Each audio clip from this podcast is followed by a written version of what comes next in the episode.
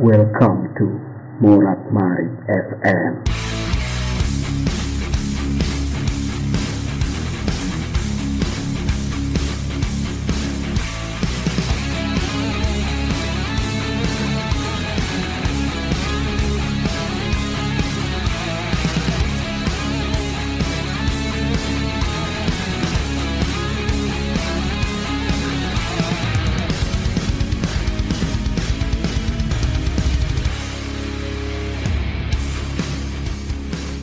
Selamat datang kembali di podcast Morat Marit FM masih bersama Lambang KRP di sini dan hari ini kita bersama Abah Lala. Abah ini, Abah ini. Ini sing ngekei jeneng Abah ya aku lho. Sing nyeluk kue Abah bersama. Lah terus, lah terus, lah kok iso menyebar nih. Karena pandanganku di neng kowe iki Wong tuwek, yo jurusan kerawitan, tradisi. lah kuwi jurusan apa? Tok. Gak mandangku ki iki dhisik ki wonge lurus, alim. Gak kakean pola, gak aneh. Basa kenal masalah. Kowe ki yo tapi bener nun. Piye, piye, piye. Wong pinter kuwi mesti duwe keunikan. So, Contone, contone Ya, kowe ki pinter lho. Semua orang mengakui. Terus uniknya ning ndi? Ini kelakuanmu. ya ki. Nah, Entah ini ya. Eh. enggak gitu mas. Gak gitu, gak gitu, gak gitu. Mboten. Mboten mboten dong, mboten dong. Oke. Oke, hari ini saya bersama Inun. Ini Yes. secara tidak disengaja, tapi enggak sengaja jadi ya. Dia kan mas, mas Bapak kakak kuka kon lek resek. Ya, ini ada bawa yang tidur di luar menguji kekuatan nih deh. Ah, dia kan mau sore janjian aja nih toh. Kue deh, kue ki, kue ki neng Madangkara ki aku seiling kue ngejak aku Mas ayo nggak konten Heeh. podcast wong telu Podcast wong telu ya bener. bahas tentang kasanah keilmuan Oh. Karawitan. Rada intelek titik. karawitanisme ning rong sida-sida dan pengenmu kan konsepnya video ning kamarmu iki. Ya wis tak cepaki kabeh sebenarnya. tapi sik durung kelakon. Akhirnya ki mau gue ngubungi aku toh. Aku nah iki aku mau kan rip ripas ini wis wis meh turu aja ini aku mau. Semua untuk berat karena wis dinoan gurung turu. Turu meh sak nyukan mau tok kuwi sak durunge turu ki mbok aku iso makin anu ya. Capek mungkin ya. Karena kecapean. Aku biasanya kan nggak pernah sing pokoknya aku lek gabut? HP-an kuwi aku gak iso statis gak iso meneng aku lek HP-an kudu HP iki kudu tak main kan Pencet. aku gak iso sing jenenge delok delok tok terus meneng kecuali lek bener-bener pengen nonton ngono ya. Heeh. Lah pas kuwi ak- iki mau aku bener-bener kesel terus nemu video anu oh enggak jadi aku baru nonton series HP iki aku kudu nonton series piye. Tak langsung tonton nih sik golek dis. Cuk, jangan cuk Pornhub. Pornhub ndasmu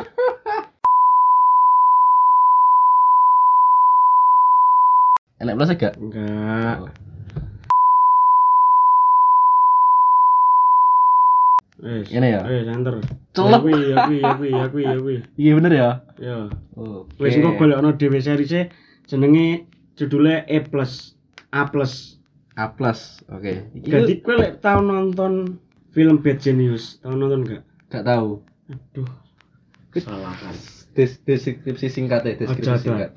Deskripsi singkatnya piye piye. Film Bad Genius kuwi menceritakan tentang sekumpulan anak jenius di sebuah sekolah sing Hmm. pengen mencurangi sistem demi masuk gak salah ya lek aku gak salah iling ya Heeh. demi masuk perguruan tinggi ini Oke. jadi pas lanjut. UN ki dia mencurangi ngono lah premisnya sederhana tapi keren banget nah kuwi ketoke series E plus kuwi terinspirasi teko kuwi nah neng E kuwi menceritakan tentang sebuah sekolah internasional, sekolah unggulan Hmm. sing dhek ning ning universitas kuwi diceritakan setiap tahun selalu meraih peringkat pertama ning ujian nasional. Ah.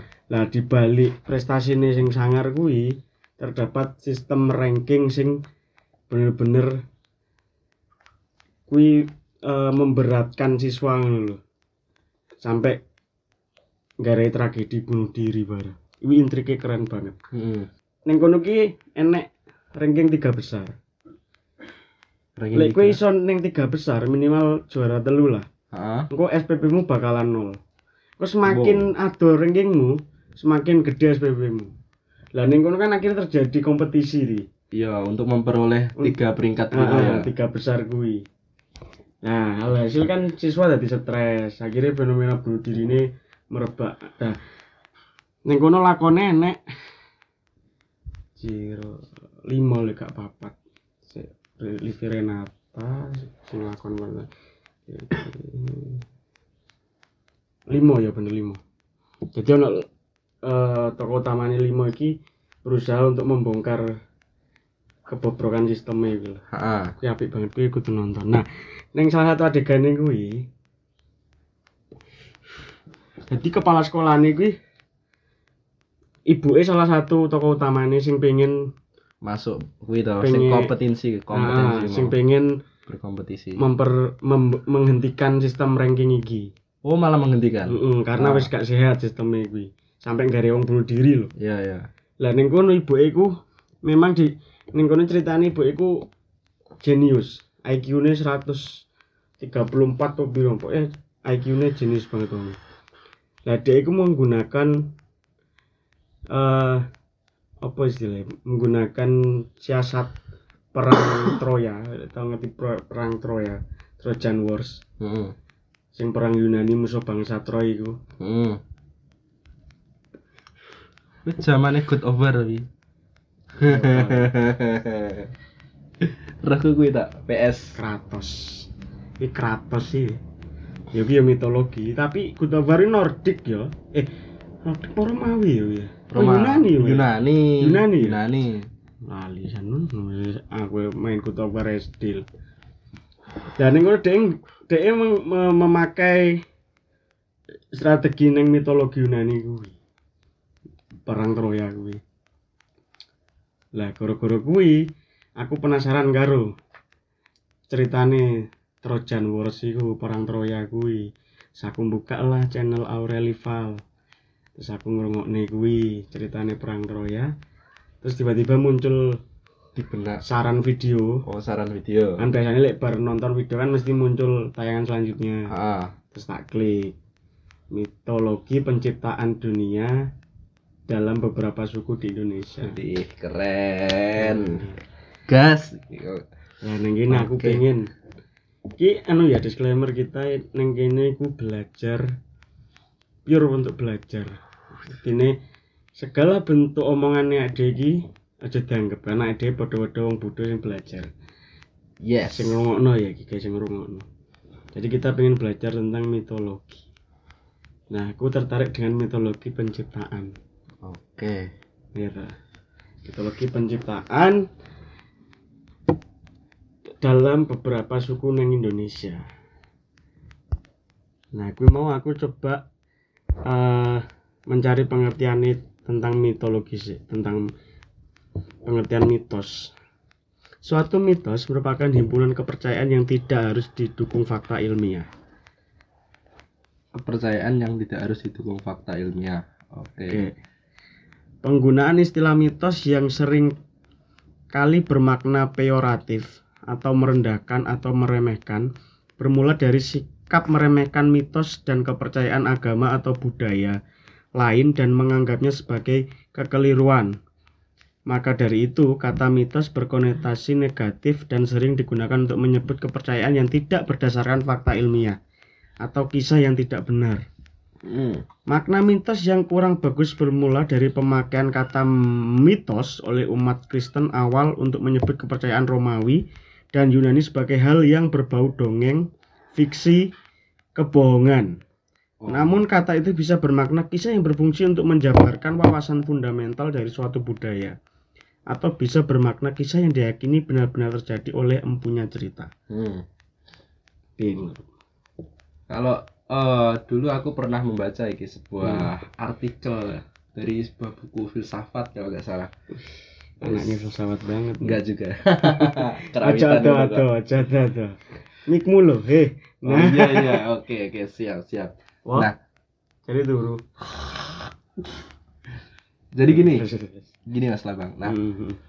terkaitan dengan eh, tadi Mas Lambang menyebutkan bahwa ada mitos itu berawal dari eh, ini membahas mitos dulu ya. Mhm. Mitos itu berawal dari eh, sebuah penyebutan oleh kaum Nasrani, kaum Kristen, Kristen awal. Kristen awal untuk eh, menyebut sebuah legenda atau cerita Kepercayaan. kepercayaan dari kaum Yunani ataupun Romawi. Nah, Mhm.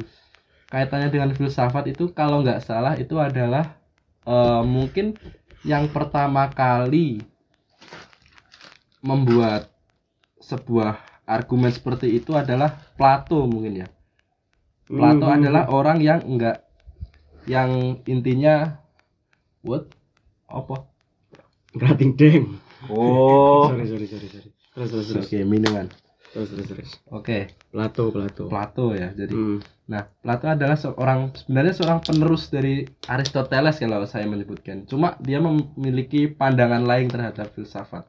Mhm. Nah, Aristoteles itu masih menyelipkan sebuah kepercayaan-kepercayaan tentang ketuhanan, tentang sebuah legenda-legenda seperti Yunani itu. Nah, Mhm.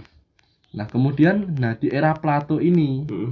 itu eh, muncul sebuah pemikiran bahwa legenda itu hanyalah bisa dikatakan nggak nggak bisa dibuktikan secara ilmiah gitu Iya iya. Mhm. di era Plato ini makanya dari itu terdapat beberapa eh sekte atau golongan orang-orang yang Hmm. menganut aliran Plato seperti itu Mhm. nah mungkin terkait dengan kejadian awal ataupun sejarah awal tentang mitos mungkin seperti itu mas Mhm. pertama kan. Oke, mungkin topik lanjutnya dong. ya itu, itu itu sekilas tentang mitologi tentang mitos ya nah karena aku tadi nonton apa namanya mitologi penciptaan dunia versi beberapa suku di Indonesia Nusantara. nah di situ ada beberapa eh, versi versi ini Batak Hmm, versi Dayak Ngaju hmm.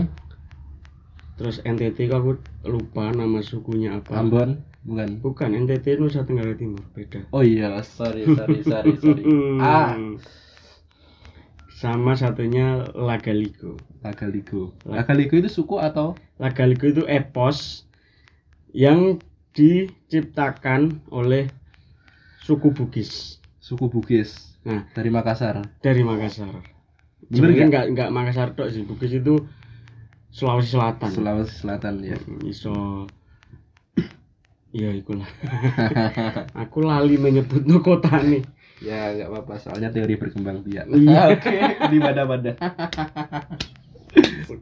Nah, aku mau menemukan beberapa hal menarik ya sing pengen tak sharing, tak tak pertanyakan, tak pelajari, tak bicarakan.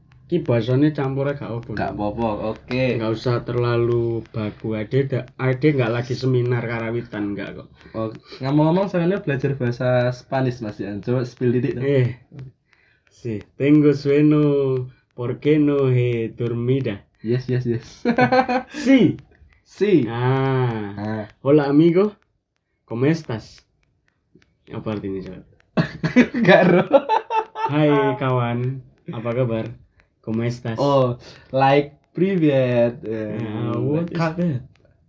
Russian deh, Russian, oh, Russian language. you learn Russian. No, but yes. Ah, please, if you use the mic, yeah, okay, okay. Sorry, sorry. yes, I really take it forgot close about it. with your mood because it's very cheap gear. Iya, iya, karena ngomong- murahan. Oh iya. Oke, aku mau Ya, cuma lebar ayo. Oke, kembali Kan lagi dia ke- aku mau lali aku. tentang suku Oh, Lagaligo. Lagaligo. Lagaligo itu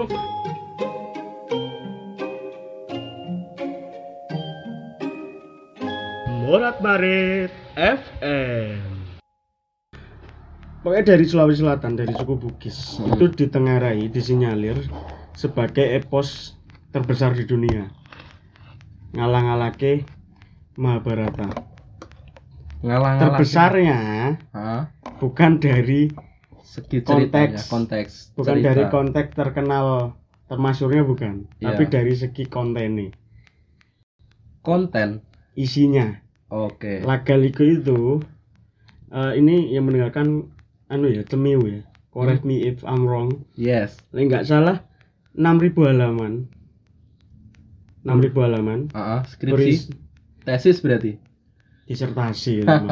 diserta aku mau iki iki rada ya. Aku mau ning perbus Ah. perpus kampus perpus pusat. Kuwi nemu disertasi. Uh tua bel nggih ngaplok maling paling tit. Bangsat nggak nambah-nambah gawean brengsek. Oke lanjut oke. Kuwi 300 halaman lah 350 sekian lah. Ah. semini lho san. Dan ini 6000 bayangno piro tebelnya dan itu ditulis dalam eh, aksara Palawa kuno aksara-aksara Bugis. Setebal 6000 halaman. Mm-mm. tiga, mengandung 300.000 kata dan berbentuk puisi.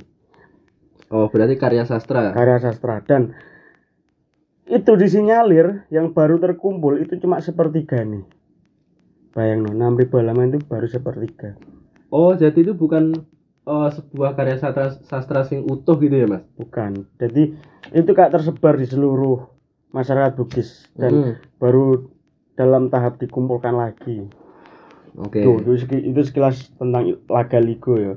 Nah, aku menemukan hal menarik di dalam kon- konsep pencip- mitologi penciptaan beberapa suku yang sudah disebutkan tadi. Itu selalu ada nama Batara Guru. Betoro Guru Batara Guru. Batara Guru Nah. oke Eh, mungkin kita bisa sambil browsing ya. Can I use your laptop, please? oke yes Oke. no problem you can Uh, please add new tab. Oke. it. yes Uh, no.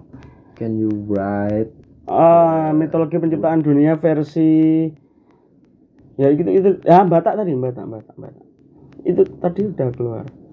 Lagi lagi lagi. Dayak Ngaju bukan? Bukan Batak dulu Batak dulu. Kita urutkan dari Batak. Batak. Mitologi. Penciptaan dunia. A few minutes later ini ini ya teman-teman yang mendengarkan kita ini konteksnya sedang belajar jadi mohon maaf kalau kita sambil membaca supaya kita juga tidak tersesat dengan asumsi pribadi. Jadi kita benar-benar intinya belajar bersama dan mencari eh, kebenaran mungkin sebenarnya. yang sing kedua ya. Wikipedia. Oke. Wikipedia. Oke. Nah, iki kos secara kosmologi nih ya. Hmm? Kosmologi itu tentang alam semesta nih. Dalam mitologi Batak, dunia dapat dibagi menjadi tiga tingkat, yaitu dunia atas yang disebut Banua Ginjang, Hah? dunia tengah yang disebut Banua Tonga, dan dunia bawah tanah yang disebut Banua Toru. Oke, oke terus eh, eh, coba ke bawah, ke bawah, ke bawah. bawah Nah, ini Bob. Nah, penciptaan dunia dalam mitologi Batak adalah mula jadi Nabolon atau Debata mula jadi Nabolon. Nah, mula jadi Nabolon ini cara ngono Tuhane. Tuhan dari segala Tuhan Tuhan dari tertinggi. segala Tuhane dalam mitologi Batak ini, mula Ah. jadi Nabolon. Dia dibantu dengan sederetan dewa-dewi lainnya yang dapat dibagi menjadi tujuh tingkat dalam dunia atas. Anak-anaknya merupakan tiga dewata bernama Batara Guru, guru Soripada, dan Mangala Bulan. ah Nah, Yes. Batara Guru toh. Batara Guru Terus coba eh, selanjutnya selanjutnya versi berarti versi Dayak Ngaju, Dayak Ngaju. versi Dayak Ngaju Aku Endi? mau tak anu Dayak. Tit. Dayak Nugroho what is Iki. kejadian iki kebudayaan Dayak asal mula Jadi penciptaan Ranying Hatala ya. nah, iya. Dahulu kala jauh sebelum manusia diciptakan dan diturunkan ke bumi, jauh sebelum alam semesta diciptakan, bertahtahlah Sang Maha Pencipta. Ia Oke. adalah Sang Maha Pencipta yang memiliki segala sifat baik dan mulia. Ia memiliki nama-nama yang mencerminkan segala sifat baik dan mulia yang ada padanya. Ia disebut Maha Tunggal, Maha Sempurna, Maha Agung, Maha Mulia, Maha Jujur dan lain sebagainya. Eh, bernama Ranying Hatala.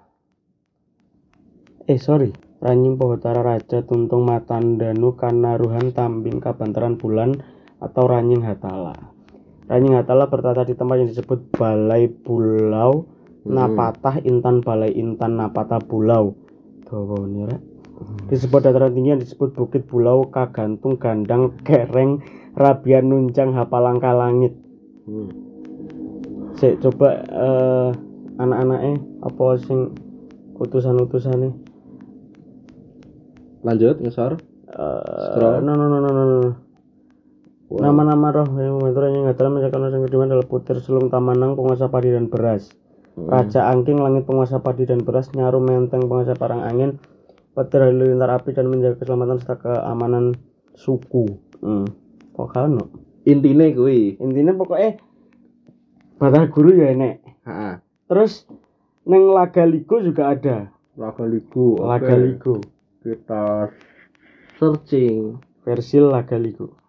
dahulu Dawa banget bakal gak apa-apa penting memorimu kuat Kuat lah edan po. Loh, selikur menit loh nun. iki saya pembukaan loh. Titi bisa wi. La spasi Galigo. Ngeyel aku. Laga Ligo. Ah, gue podo karo Irfan Putra mau. Skip, skip, skip. Kemdikbud Iki ya? Podo Indon ugi malah PDF mas. website ya ya sing ki sing Indonesia.co iki website Indonesia malah keren. Laga Ligo ialah sebuah karya sastra bener awakmu terpanjang di dunia. Lebih panjang dari epik India, Mahabharata dan Ramayana. Juga nisbi lebih panjang daripada epik Yunani Homerus. Sayangnya popula- popularitas Laga Ligo di tanah air masih kurang dibandingkan epik Indiana. Maksudku iku mau Hmm. secara konteks popularitas dia kalah. Tapi secara konten, secara konsep, isi Iya, dia lebih besar dari Mahabharata dan Ramayana. bahkan. iya. Nah, Oke. terus Nah, ke bawah, ke bawah, ke bawah. ke bawah scroll. Scroll, scroll down. Nah, tokoh utama Laga Ligo ialah Saweri Gading cucu Batara Guru. Ayo, Wow, Batara Guru ya di mana-mana. Batara Guru mana toh? Batara Guru lagi. Oke. Oke. Yang menurut menurutmu fenomena ini piye? Kenapa eh hampir semua mitologi penciptaan dunia di dalam beberapa versi suku di Indonesia itu selalu ada sosok Batara Guru. Meskipun eh, mungkin lek aku eh nyerna aku secara anu ya itu lebih ke sebuah gelar sih. Sebuah gelar. Karena dia punya nama sendiri sebenarnya. Ah, ya kalau terkait dengan argumen nek Cak Lambang terkait dengan penamaan Batara Guru, oke, Mm-mm. mungkin aku setuju tentang itu. Jadi Batara Guru adalah nama seorang yang eh, nama yang diberikan sebagai gelar. Mm-mm.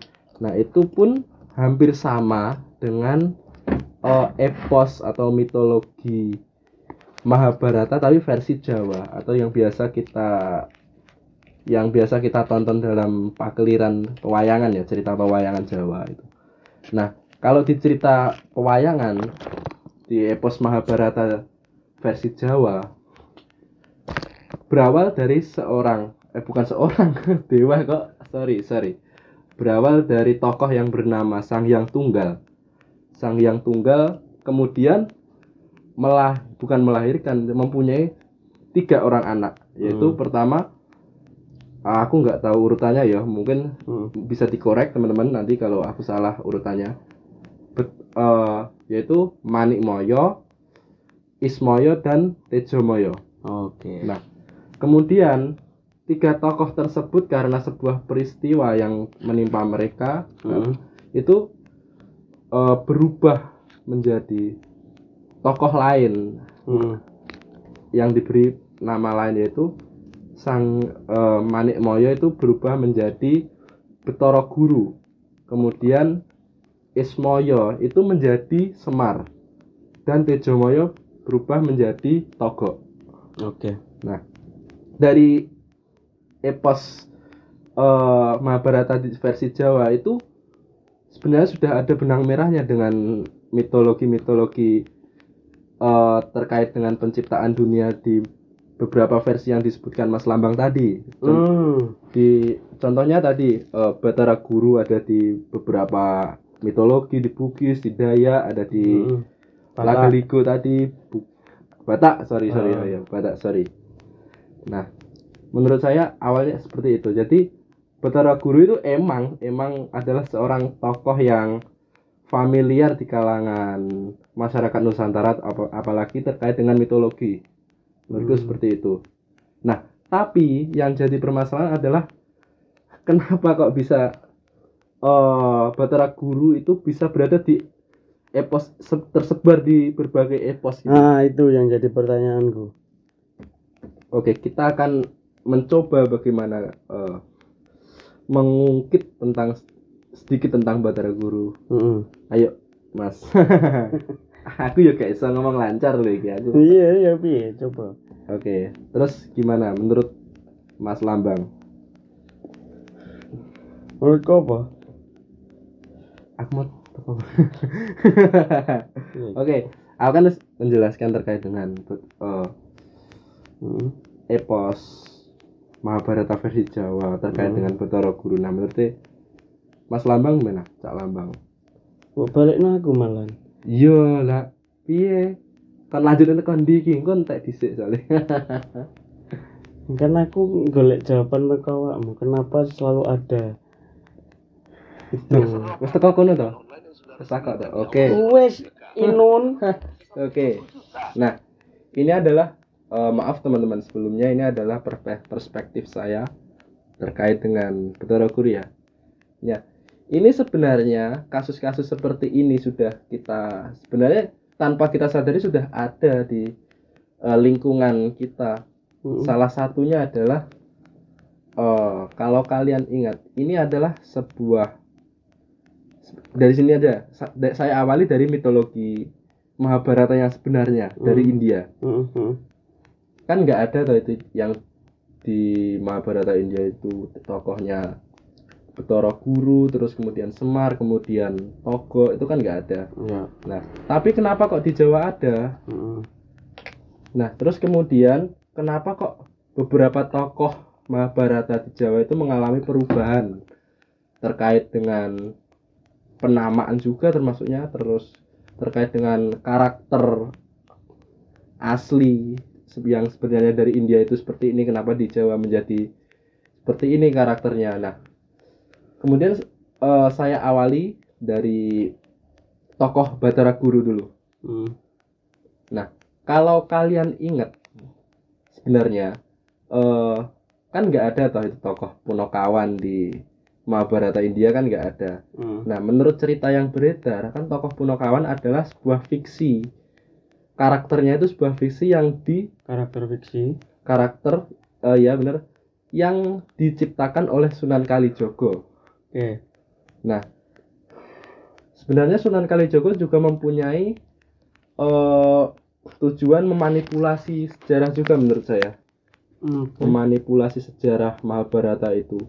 Nah, ini pun juga sama dengan halnya, eh, ini pun sama terkait dengan Betoro Guru maupun dengan tokoh-tokoh lainnya yang diadaptasi dari mitologi eh, masyarakat setempat. Hmm. Contohnya lagi terkait dengan Joko Sedono dan Dewi Dewi Sri. Sri. Nah, itu kan adalah tokoh-tokoh yang menurut saya itu asli dari Nusantara. Nah, Hmm. kemudian dikolabkan atau dimasukkan karakter itu dalam tokoh pewayangan Mm-mm. Sehingga menyatu di Mahabharata, Mahabharata Oke. Jawa khususnya. Oke oke. Terkait dengan Betara Guru. Nah, Hmm. itu kan mirip kan dengan sesuai se- sesuai karakternya Betara Guru itu kan Hmm. sifat-sifatnya mirip kan Mm-mm. dengan eh, Dewa Siwa yang ada di Hindia. ya. Contohnya penggambaran karakter dulu. Mm. Penggambaran karakter Betara Guru adalah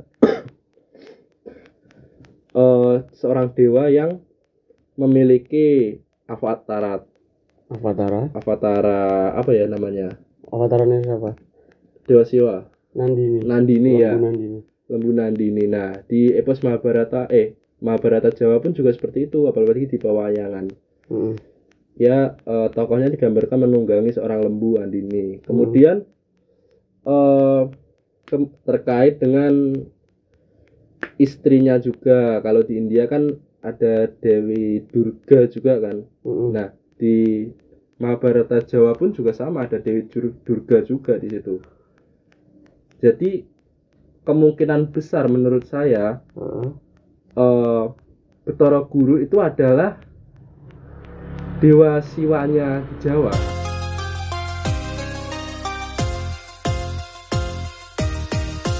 Morat Marit FM. Kita mengesampingkan tentang mitologi yang tadi dulu ya. Coba Oke. kita mengulik yang Oke oke. dari Jawa dulu. Mhm. Ada argumen nggak terkait dengan Betara Guru dan Dewa Siwa ini? Oke. Eh, aku nggak berani terlalu dalam ya maksudnya karena aku sendiri eh, nggak begitu ngikuti Cerita pewayangan. eh, cerita pewayangan ya. Tapi asumsiku me- mengenai mengenai Siwa dan Batara Guru ini, eh sepengalamanku nonton wayang, Hmm.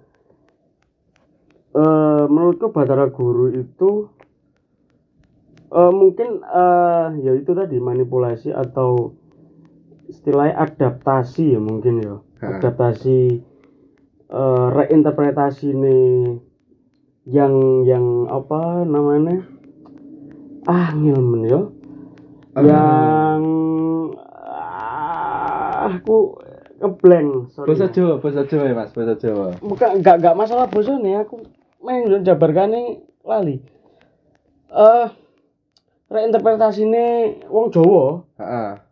sosok Batara Guru itu Iya. karena menurutku beda banget Siwa dengan Batara Guru Siwa mas dalam hal ini adalah Siwa versi India, India. ya, versi Hindu India ya karena menurutku aku sih pernah nonton eh iku boleh ngarani ya series atau apa ya ya katakanlah Series series, Mahabharata. bukan Mahabharata series tentang Siwa nih malah Heeh, Antv ya. Antv nah aku nonton iku Siwa itu bener-bener sosok sing eh Brutal. brutal brutal dalam arti bukan brutal untuk untuk anu ya untuk Ngewe.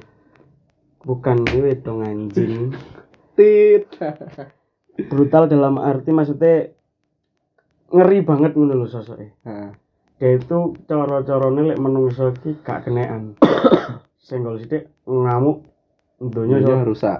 morat marit FM son Subscribe Bu, ini sponsor sponsor. hari ini Iklan, kita iklan, di iklan. sponsori Krating Deng Oke, gratis ya Mas. ya? gratis nah de- dibanding dengan sosok iki sorry ya teman-teman perdalangan ya terutama aku bukan bermaksud untuk sok tahu atau gimana tapi iki menurut menurut pengetahuan gue tolong dibenarkan kalau memang salah menurutku sangat kontradiktif Batara Guru dengan Siwa India Hmm. kamu menurutku Batara Guru sing neng pewayangan ki dia lebih lembut nggak se Brutal brutal dan serebel di India. di India. Nah, wes menjawab bro. Nah, oke. Bingung aku jujur. Iki ya karena iki pe- iki judulnya belajar. Belajar ya benar ya. benar belajar. Teman-teman eh, jangan lupa eh, kalau kita di sini adalah eh, masih belajar juga terkait dengan sejarah utamanya. Betul. Karena ini adalah konten yang dadak utama sumpah iki mau. Tangi Mas. Jam apa? Iki sik jam piro? Jam loro. Turu turu. Ini ini tadi bener-bener konten sing dadak teman-teman terpikirkan jam 11 tadi. Kemudian ya, nah terkait dengan reinterpretasi ya, Mas. Eh, Mas Lambang tadi mengungkapkan bahwa Betara Guru itu bukan sosok siwa. Mm. Berarti intinya gitu kan? Mm-mm.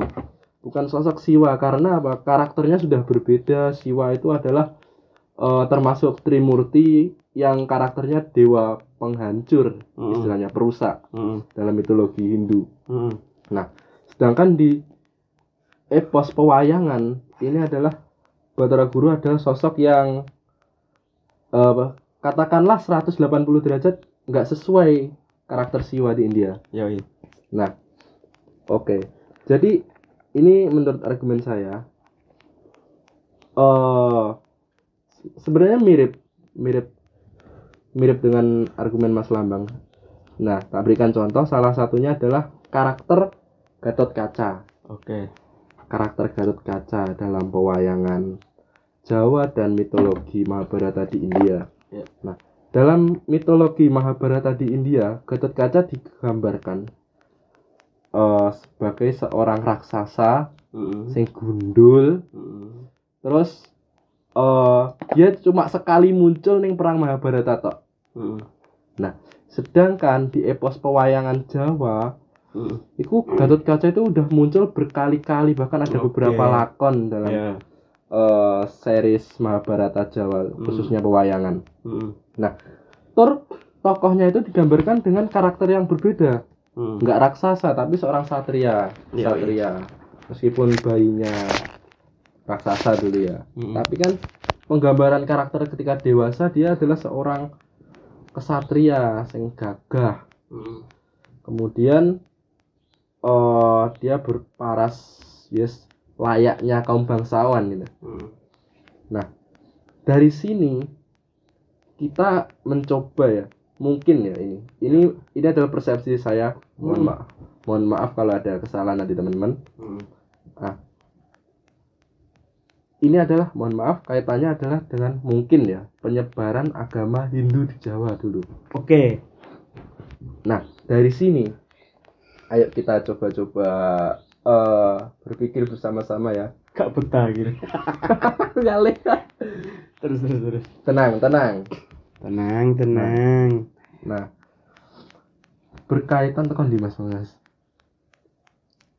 Penyebaran agama ini. Penyebaran agama Hindu di Jawa. Mm.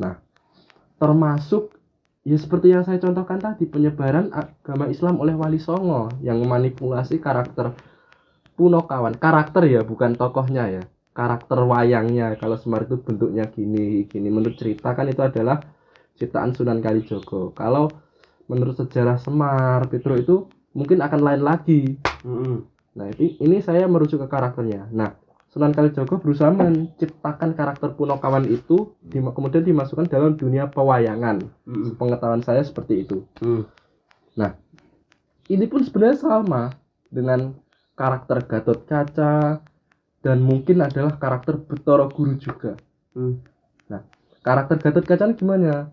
Eh, karena mungkin persepsi agar menyamakan persepsi dengan orang Jawa bahwa Gatot Kaca itu anak satrio sing Oke. protagonis sing Mm. bersih eh contohnya sing eh, apa ya mengamalkan budi dharma Ya. seorang Pandawa kan Mm. enggak kalau eh, langsung disampaikan seperti itu jelas itu Mm. mungkin eh, masyarakat Jawa juga enggak eh, enggak akan semudah itu men- menampai ya mas menerima. menerima tit Benar. Oke oke.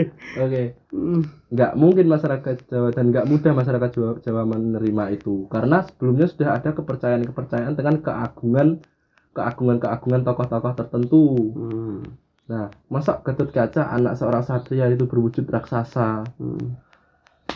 dan terus digambarkan sebagai makanya itu mungkin ya persepsi saya digambarkan dengan tokoh satria sing gagah ya watak Hmm. seorang satria ngono kae Hmm. karakteristik kesatria Hmm. Nah, itu pun sama juga sebenarnya Hmm. dengan karakter Betara Guru Betara Guru yang Mas Lambang katakan tadi eh, brutal banget kan brutal Siwane. siwane brutal banget Hmm. nah kemudian dewa perusak terkenal dengan itu kan Hmm. Trimurti nah Hmm. mungkin bisa juga di Jawa itu dijadikan seperti itu soalnya apa dari segi-segi sifat-sifat kemudian karakter Betara Guru yang mirip dengan Siwa Hmm. dan beberapa avatarannya seperti Lembu Andini dan juga Dewi Durga sebagai istrinya itu Hmm.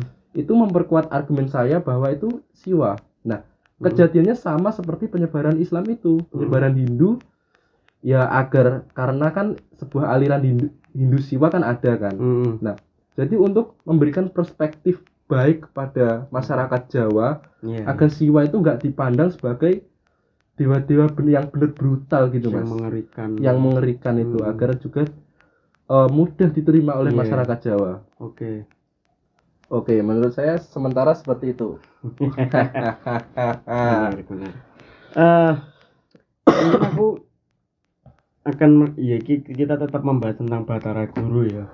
Oke. Eh, setelah aku tadi riset sih ya, karena kita berusaha untuk gak ngomong iki secara kosong, jadi tetap enek dasari.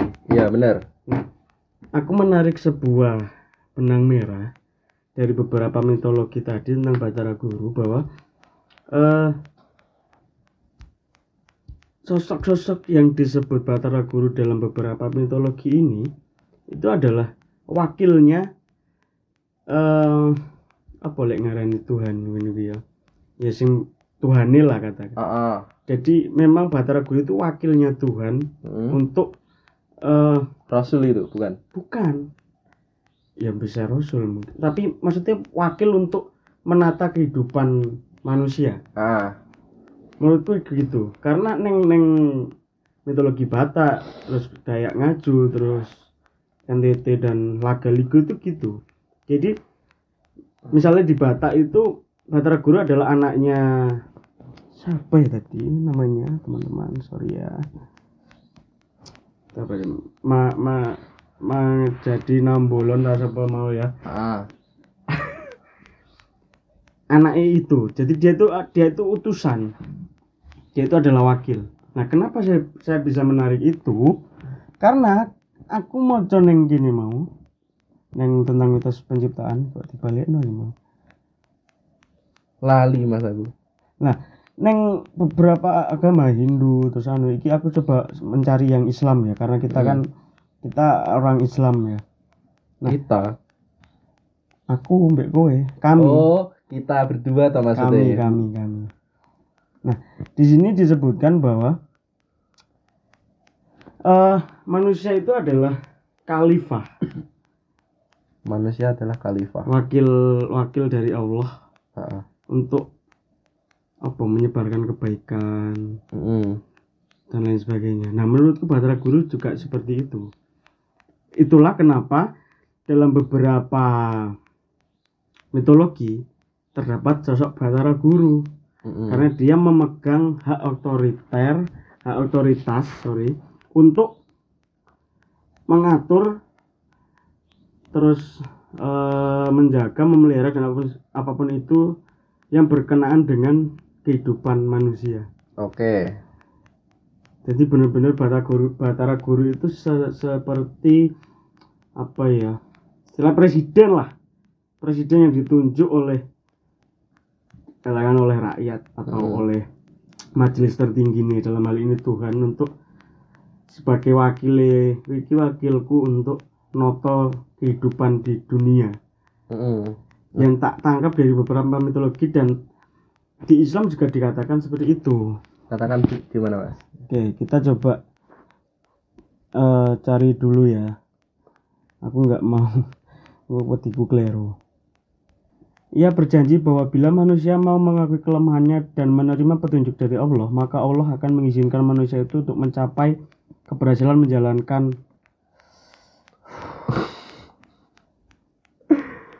menjalankan tugasnya sebagai khalifah di muka bumi Mm. dan pada akhirnya kembali kepada Allah di surga untuk selama-lamanya. Ya toh. Ah. Nah, menurutku eh, kedudukan Batara Guru itu seperti itu. Dia adalah khalifahnya eh, Tuhan dalam masing-masing mitologi untuk menjalankan, menata, memelihara apa pun itu yang sifatnya kebaikan di dunia. Mm. Itulah kenapa eh, Batara Guru selalu ada. Nah, aku menemukan komentar neng konten ini mau, sorry passwordnya. Monem luro pinem. Wes ngrawitani ya. Monem peluru pinem. Eh, ini ada komentar di konten Aurel Val tentang mitologi penciptaan dunia Irfan toh? di Indonesia. Enggak. Nah, dari komentar Ando Ajo ini kesamaan tentang Batara Guru juga Batara untuk dewa dan Batari untuk dewi kemungkinan karena asal bahasa kita. Seluruh Indonesia berasal dari rumpun yang sama. Bahasa Austronesia. Mang- makanya atau mungkin muncul kata yang sama dalam hal ini Batara Guru yang menggambarkan sosok yang sangat berperan penting di luar kemampuan manusia biasa. Wah, siapa masih keren nih sumpah komentarnya. Ando Ajo Wes apresiasi wes Mas Ando. Oke.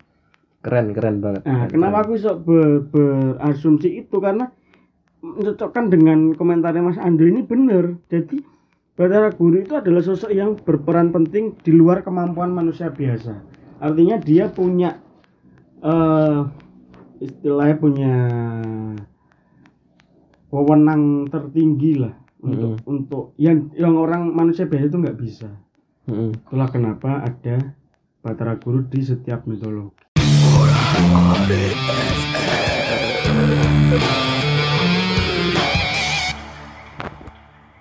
Oke. Nah, ini PR adalah mencari orang yang paham mitologi. Benar dia bisa belajar. Karena aku tertarik banget. Aku sejak ini sedikit cerita ya. Aku sejak Hmm. SMK itu aku jadi tertarik, terbuka untuk pengen belajar ini.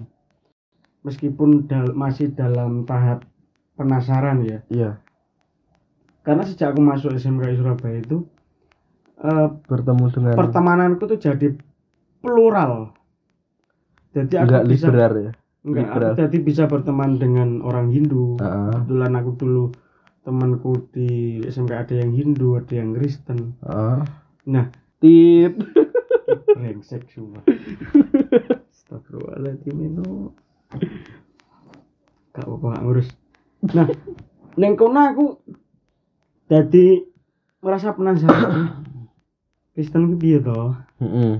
Iya. Hindu ki piye toh? Karena sesuatu yang tidak kita akrab, yang tidak kita akrabi, yang tidak tidak miliki atau yang tidak kita peluk itu kan selalu mengundang rasa penasaran. Iya benar. Karena kita nggak tahu, Heeh. gitu loh. Hmm. Yang kita miliki aja kita kadang masih belum tahu. Empayakun artinya Jadi maka jadilah. oh tahu ngono kok. Inna anzalnahu fi lailatul qadar artinya Lailatul Qadar. sorry teman-teman gojek ya gojek gojek ini bukan gojek tentang eh, merendahkan keyakinan ya teman-teman Nah, tapi iya dia rada anu ya lah, rada pendinginan karena mau terlalu eh terlalu serius. iya benar ini bukan bermaksud untuk menyetop bahasan ya maksudnya kita tidak akan melangkah lebih jauh lagi karena kita mungkin akan belajar lagi sebelum kita nanti mungkin di episode selanjutnya membahas lagi tentang ini. Iya benar nah. Mungkin kita akan menemukan banyak hal baru karena itu masih luas banget kan dan eh, sebenarnya ini adalah eh, ka- bukan kami ya ini saya aja. Karena Mas Lamba nggak eh, mungkin nggak berpikiran seperti ini juga. Dan eh, gini teman-teman. Jadi konten ini memang kalaupun ini nantinya nggak sampai akhir ya ini seenggaknya setidaknya itu bisa menjadi bahan renungan lah buat kita. Maksudnya Mm, eh ini kan berarti menyisakan pertanyaan yang belum kejawab kan. mm, betul. Nah, ini adalah PR kita, bukan PR kita saya dan Mas Lambang juga, tapi PR kita bersama maksudnya eh, bukan dalam arti hanya membahas mitologi ini ya, tapi di segala aspek mungkin kalau kita masih ragu dan belum menemukan jawaban tentang sebuah apa ya mas? Sebuah apa ya? Apa? Menemukan jawaban sebuah apa ya? Pertanyaan lah. Oh pertanyaan lah jelasin ya Swi intinya eh, kalau ini belum berakhir ya ayo kita cari bersama-sama gitu. Mm-mm. nah silahkan yang mau bergabung podcast kami. Wede Iya. kami tantang kalian. Wede oh, gak gak gak. Sorry sorry lur sorry lur harapmu nunun maksudku gini. Lek ngomong ke secara luas lagi ya tentang tujuan kita belajar seperti ini. Kan ada muncul fenomena menarik. Sing aku ya rotok miris. Gimana mas? Kita itu punya eh, budaya sastra sing luar biasa. Bener ya bener. Salah satunya laga ligu. Mungkin kita tidak secara langsung memiliki karena kita bukan orang Bugis. Ah, ah, tapi bener. secara Indonesia kita tentunya merasa memiliki dong. Iya bener. Apalagi kalau sampai Laga ligu. at the end of the day Laga Ligo ini bisa dikenal di seluruh dunia sebagai salah satu epos yang besar banget. pasti sedang- bangga dong pasti Nah, sedangkan fenomenanya kan Laga Ligo nggak dikenal ternyata. iya bener Jujur aku pun eh, aku lupa persisnya kapan. Sebelum sebelum ini aku pernah mendengar Laga Ligo. Tapi aku nggak secara anu ter- langsung tertarik ngono enggak karena ya Bukan aku sendiri ranah- masih merasa bukan ranahmu atau bukan ranahku terus gak merasa memiliki. Nah, iya. budaya budaya rasa memiliki ku sing angel. Jangan jangan terlalu melebar soal budaya lisan sastra atau apa pun itulah. Budaya memiliki komunitas harga surah katakan. Itu nggak semua orang punya. Iya bener iya kan? Bener bener tulisannya Arja Sura Arek Jawa Timur. Nah tapi nggak semua Arek Jawa Timur ikut eh, merasa memiliki kan begitu mas? Cakep, betul. Nah ya iki Arja Eh, Sura analoginya aja sih. Artinya paling enggak kita nggak usah berbicara muluk-muluk tentang ini akan dikenal di dunia ya. Kita sendiri wae lah kenal sih. Ya benar. Dan ini adalah salah satu apa ya mas? Menjembatani. Ya bisa jadi. Enggak Jani En- enggak bener bisa jadi kita nggak pernah tahu loh. Iya benar kita nggak pernah tahu loh. Sopo ngerti tiba-tiba no sing ngrungokno dan wah iya ya iya. Kita punya poin. Plus. kita dapat poin plus ya iya benar Hmm, Bener, ojo-ojo ragu untuk menyebut kita akan menjembatani, insya Allah bisa. insya Allah insya Insya Allah Allah. bisa. oke. Ah, karena menarik banget loh. Selama ini ya, selama ini yang kita kita konsumsi, yang kita dengar, yang kita nikmati, itu mitologi luar kabeh. iya benar Bahkan Termasuk- ngomongin propaganda yo. iya benar eh iya tadi Lek ngomongin propaganda soal mitologi, iya neng slot ae lho, sing terkenal ki Zeus. iya Zeus iki mitologi Yunani. loh kok Yunani Zeus Yunani kok endi? Yora Endi? hamster Iki gak serius. Kok? Mas ngono. Un- Untuk untuk untuk sesuatu hal yang lagi populer dan di, di semua orang semua orang ngelakoni kui kiai mitologi luas loh iya benar meskipun yang kono enek slot. Nah tadi ngomong slot ya. Ketara lek tau main. Tapi wis gak kok. Meskipun ono versi Gatot Kaca ono Cino-cinoan tapi tetep ae selama ini bahkan yang game pun good God ya sorry Ah. good God of War itu kan ya mitologi Yunani Iya, membahas bener. Kratos Kratos itu jadi kenapa enggak mitologi kita sendiri iya benar sing kenapa kita enggak? padahal itu menarik banget loh itu durung ada yang ngomong mitologi di luar penciptaan dunia loh ya Mm-mm. Di luar itu kayak mitologi Garudea iya benar yang dadi lambang negara kita gitu kayak masih banyak banget sih dan iki jane ya rada ironi ya Iya, apa Mas? Ikon Gatot Kaca kemarin. tutu goblok maksudku ironi ki eh ada katanya bareng iki gawe anu. Iya, Mas. gawe dua apa apa ya konten sing ki menarik loh ada ki dua kutub yang berlawanan loh tanpa disadari Kok iso? Tidak menyatu dah. berlawanan aja Aku plus sama min berarti. gak apa apa Eh, iya tapi malah bener. menyatu loh. tapi bener enggak sorry tak pedot sih Ah, maksudnya ini kita berusaha belajar tentang sesuatu ini omongan-omongan iki mau mm-mm. sing sok asik sok iye iki mau itu berasal dari mulut mahasiswa sing sampai pitung tahun gak lulus lulus 14 semester Mm-mm. dan mahasiswa sing Calon telung tahun lulus. Ah. Amin.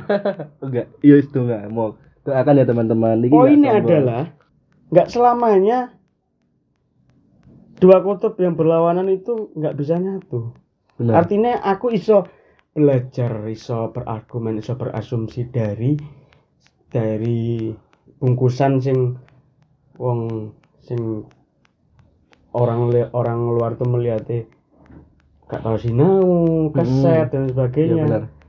beradu dengan orang sing bahkan hidupnya adalah untuk debat neng Facebook. Gancok gitu aku. hidupnya yang didedikasikan untuk meluruskan hal-hal yang salah. Itu keren loh. Jadi mungkin ke depannya kita harus memperbanyak belajar-belajar ini gitu Sip, aku setuju. Nah, oke teman-teman, gimana menurut kalian? Nah, terkait dengan dua kutub ini aku setuju banget ya teman-teman. Karena dalam duniaku sebelumnya, oh sorry, bidangku sebelumnya. Nah, aku kan dari jurusan elektronika, nggak keluar dari konteks elektro, elektro min plus nggak keluar dari konsep magnetik kan. Mm-mm. Nah, konsep magnetik itu kalau min ketemu plus itu pasti nyatu malahan. Hmm. Nah, tapi kalau plus ketemu plus, min ketemu min itu kan nggak nyatu, Hmm. malahan. Nah, itu kan sejalan sebenarnya seperti ini. Malah ini adalah contoh eh, simbiosis mutualisme kami berdua Anjay. terkait dengan argumen-argumen yang mungkin terkadang malah eh, nggak sependapat berbantah-bantahan, tapi itu bermanfaat sebenarnya. Oke. Keren, Keren, keren, keren, keren, keren. Oke ya. Kita akan menuju ke episode selanjutnya. Yes, next time. Terima kasih yang sudah mendengarkan. Thank you so much. Jangan lupa apa Nun? Don't like, eh don't like, don't, don't forget. like? Sorry. Don't forget to Sorry, le, le, Spotify bukan subscribe, Yeah. follow, Follow. Oke. follow, follow. Follow. Don't forget to follow, And like. comment, like and- juga bisa. Oke. And comment. And Share, share. Share. And apa mana mas? Tidak paham.